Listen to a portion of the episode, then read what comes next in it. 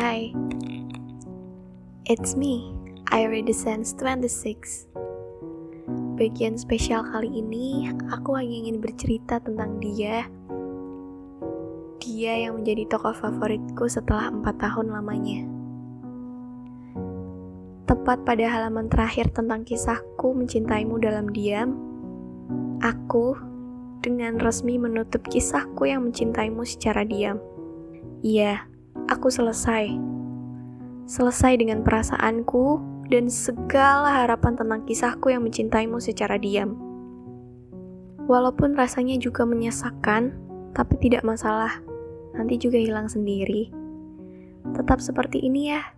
Seperti apa yang aku lihat, juga kenal saat bertatap bersamamu. Yang pergi hanya rasaku saja, bukan pertemanan kita menyesakan karena setelah empat tahun akhirnya aku gagal lagi. Aku tetap bersyukur karena bisa mengenalmu dengan segala rasa yang hadir bersamamu. Aku bahagia, dan kamu juga harus bahagia. Jangan kembali terjerat di tempat yang sama bersama kisahmu yang selalu seperti itu. Kalau nanti kamu bertemu someone right to be yours, tolong genggam tangannya ya seerat yang kamu bisa.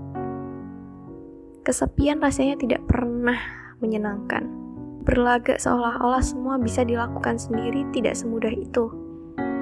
Jangan lupa untuk selalu tanya hari-harinya bagaimana. Apakah baik-baik saja dan menyenangkan, atau malah sebaliknya? Peluk dia sesering yang kamu bisa.